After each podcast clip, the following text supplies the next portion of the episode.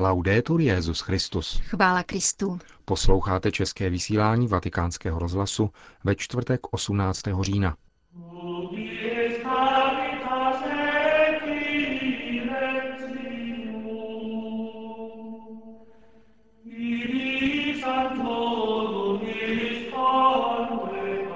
Musíme znovu seriózně promyslet svoji víru, abychom pokročili v nové evangelizaci, říká účastník biskupského synodu, zakladatel neokatechumenátní cesty Kiko Arguel.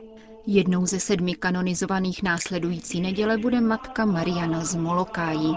Zjevení má interpretovat papež, nikoliv média, říká prefekt Kongregace pro nauku víry arcibiskup Miller.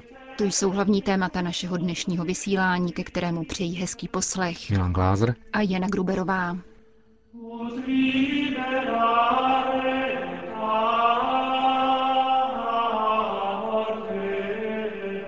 Zprávy vatikánského rozhlasu.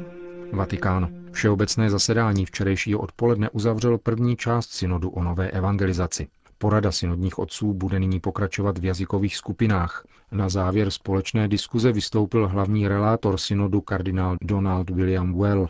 Washingtonský arcibiskup v ní zhrnul více než 200 příspěvků, které dosud na synodu zazněly. A ve čtyřech bodech načrtl nejdůležitější postřehy. Ke každému z těchto bodů pak připojil otázky, které by měly na pomoci dalšímu projednávání daných témat.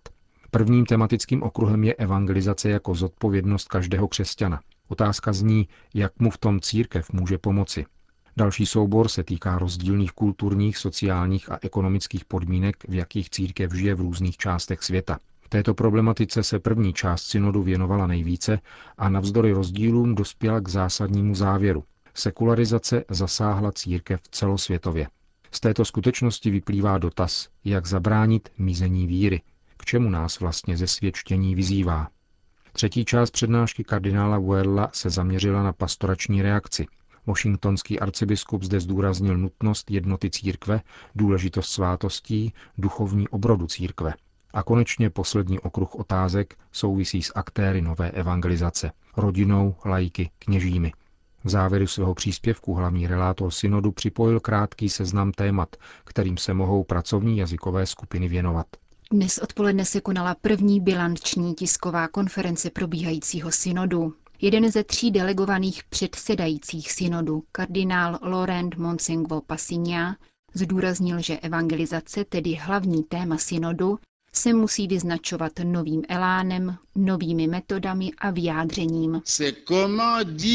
Jak lze hlásat Boha Ježíše Krista světu, který si otázku po Bohu vůbec neklade, nebo si ji klade špatně? Právě tím se náš synod zabývá. Zatím probíhá dobře. Svatý otec je přítomen a účastníci synodu velice otevřeně hovoří o situaci v jednotlivých zemích. V tom spočívá bohatství synodu. Nikdo nemluví o tom samém. Musíme však pokračovat a jako další krok vybrat z toho, co zaznělo, závěrečné propozice. Ty předložíme papeži, který pak rozhodne, jakým způsobem se tyto návrhy zveřejní. Uvedl na dnešní diskové konferenci arcibiskup Konžské Kinžházy. Spoluzakladatel neokatechumenátní cesty Kiko Arguel, který se jako auditor účastní biskupského synodu, dnes promluvil v synodální aule a představil církevní zkušenost tohoto hnutí působícího na čtyřech kontinentech. Vatikánskému rozhlasu řekl. My, všichni lidé, jsme ze strachu, který máme před smrtí, vystaveni ďáblovu vydírání a děláme to, co ďábel chce. Rozvody, potraty, vraždy, lži. Kristus svou smrtí a vzkříšením přišel tuto moc ďáblovi odejmout. Kristus přemáhá smrt a dává člověku možnost života věčného, života, který přemáhá smrt. Je proto velice důležité, abychom v tomto roce víry znovu promysleli, co je to víra. Proč Evropa ztratila orientaci? Proč se toto všechno děje? Proč lidé odcházejí z církve? Musíme udělat seriózní reflexi také o naší vlastní víře a musíme to udělat všichni. Kněží, biskupové, církevní instituce, farnosti. Rok víry je prozřetelnostním momentem. Musíme znovu promyslet svoji víru, abychom pokročili v nové evangelizaci. Říká Kiko Arguel, jeden ze spoluzakladatelů neokatechumenátní cesty.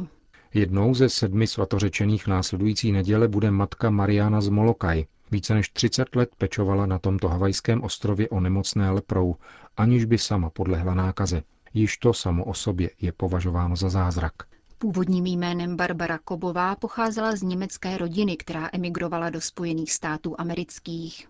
Ačkoliv řeholní povolání v ní dozrálo záhy, do kongregace sester třetího řádu svatého Františka vstoupila teprve ve 24 letech, když už nebyla nutná její ekonomická pomoc v rodině. Ošetřovala nemocné a vyučovala děti německých emigrantů.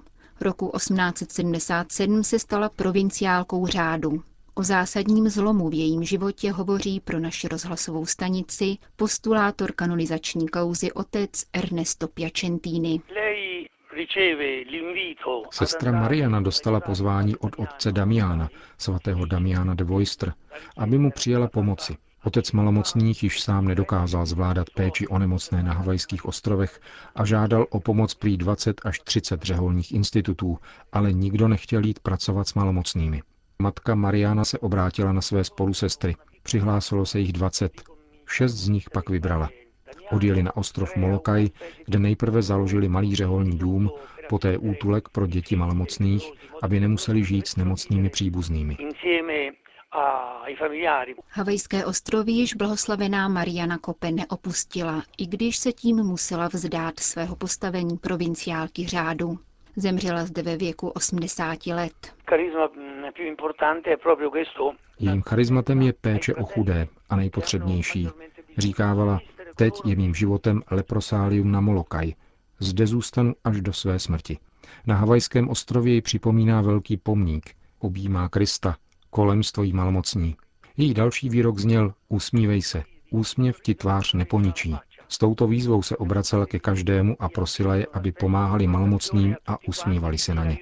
Úsměv nám totiž tvář nepokazí. Říká postulátor kanonizační kauzy blahoslavené Mariany Kope. Vatikán. V rámci širší revize a zjednodušování papežských ceremonií se připravují některé novinky také pro kanonizační liturgii, kterou bude Benedikt XVI. slavit tuto neděli na náměstí svatého Petra. První kanonizace roku víry bude probíhat podle nově revidované verze rituálu. Změny přiblížil pro vatikánský deník Observatore Romano papežský ceremonář Monsignor Guido Marini.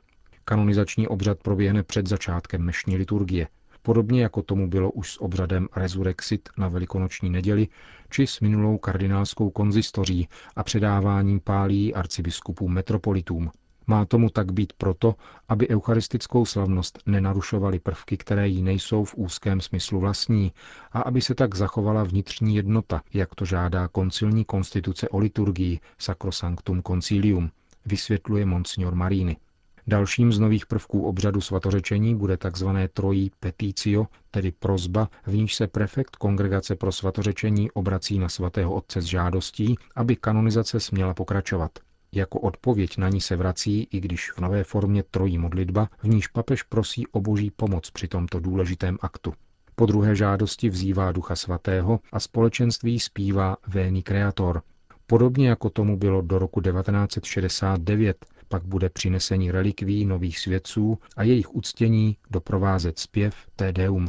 Zjednodušení obřadu, aby zazářila koncilem požadovaná vznešená prostota, se projeví například v tom, že litanie ke svatým budou doprovázet již počáteční liturgický průvod. Vypuštěno bude předčítání životopisů nových svatých, protože, jak je zvykem, papež se u jejich biografií zastavuje v homílii. Upouští se rovněž od osobního pozdravu papeže ze strany postulátorů. Příležitost k setkání se svatým otcem dostanou po skončení mše svaté v zákristii vatikánské baziliky, vysvětlil pro Observatore Romano papežský ceremoniář Monsignor Guido Marini. Dnešnímu člověku chybí perspektivy, protože z jeho horizontu zmizel Bůh. Žije v krátkodobých řešeních, ač se sám přesvědčuje o jejich nedostatečnosti, uvedl arcibiskup Gerhard Müller, prefekt Kongregace pro nauku víry. Subjektivní přesvědčení o Bohu nemají nejmenší význam. Lidé mohou tvrdit, že Bůh zemřel, ale ať chceme či ne, on existuje a zjevil se člověku. Zdůraznil arcibiskup Müller, když vysvětloval, proč Benedikt XVI. postavil do centra svého pontifikátu otázku Boha a nutnost návratu k teocentrismu v církvi. Ke své nové funkci někdejší řezenský ordinář podotkl, že poslání autenticky interpretovat zjevení bylo svěřeno církvi, papeži a biskupům, kteří jsou s ním v jednotě. Nemohou si je osobovat žádné jiné církevní skupiny, jako například Združení amerických řeholnic, které už od roku 1977 požaduje kněžství žen. Arcibiskup Miller připomíná, že ve skutečnosti jde o otázku dogmatickou. Ve sporu mezi těmito řeholnicemi a kongregací pro nauku víry jde o to, kdo je věrný zjevení a jeho zásadním prvkům, říká prefekt kongregace pro italský deník Il Folio. Arcibiskup Miller rovněž varuje před přenášením církevních sporů do médií. Mediální tlak nepomáhá řešení problémů. Jako příklad jmenoval hnutí Virzint Kirche, které může počítat s podporou tisku. Díky tomu se vždy dostane sluchu protestům proti celibátu a zamlčuje se skutečnost, že jeho význam potvrdil druhý vatikánský koncil. Podobně je tomu s přijímáním pro rozvedené. Do centra úvah se staví jejich situace a zapomíná se, že je dnes třeba dbát především o stálost rodin a nikoli ještě více usnadňovat jejich rozpad. Podle německého arcibiskupa církev utrpěla v poslední době mnoho křivd ze strany médií. Mediální hon na kněze v souvislosti s mravnostními skandály byl nespravedlivý. Navzdory prokazatelným faktům se v něm podsouvalo, že kněžství nahrává pedofilii. Ve skutečnosti jde o obecný problém naší doby, který se týká celé společnosti. Například v Německu bylo v letošním roce zaznamenáno na 20 tisíc případů pedofilie. Ani jediný z nich se však netýkal duchovní osoby, uvedl prefekt Kongregace pro nauku víry. Přiznává, že také křesťané mají samozřejmě své limity a dopouštějí se chyb. Nikdo však nemůže popřít, že srdce církve bije pro člověka, uvedl arcibiskup Miller. Německo. Náboženská svoboda je stále porušovaná. V posledním roce se situace ještě zhoršila. Pouze jedna čtvrtina států plně respektuje lidská práva v této oblasti. Za oběť pro následování nejčastěji padají křesťané. Statisticky každé tři minuty někdo položí život za víru v Krista. Vyplývá z výroční zprávy o náboženské svobodě zpracované papežskou nadací Pomoc církvi v nouzi, Kirchej Not.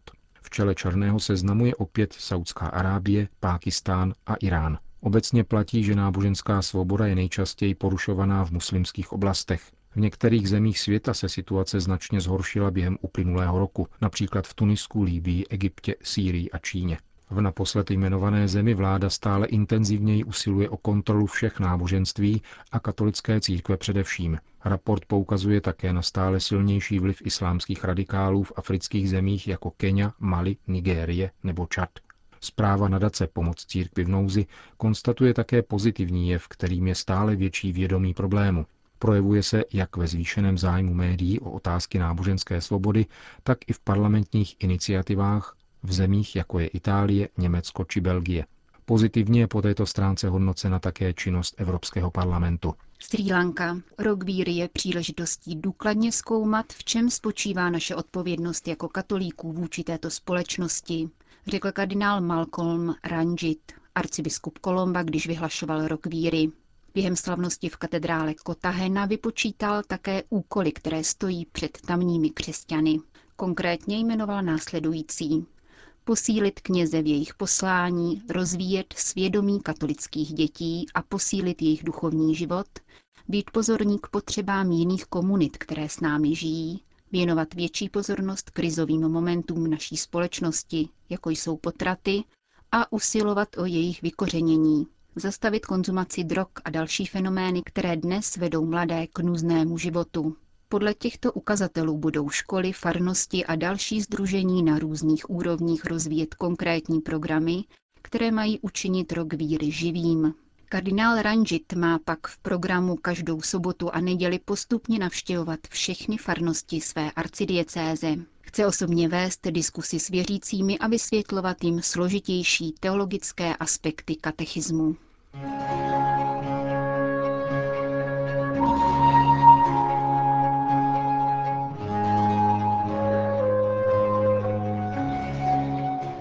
Končíme české vysílání vatikánského rozhlasu. Chvála Kristu. Laudetur Jezus Christus.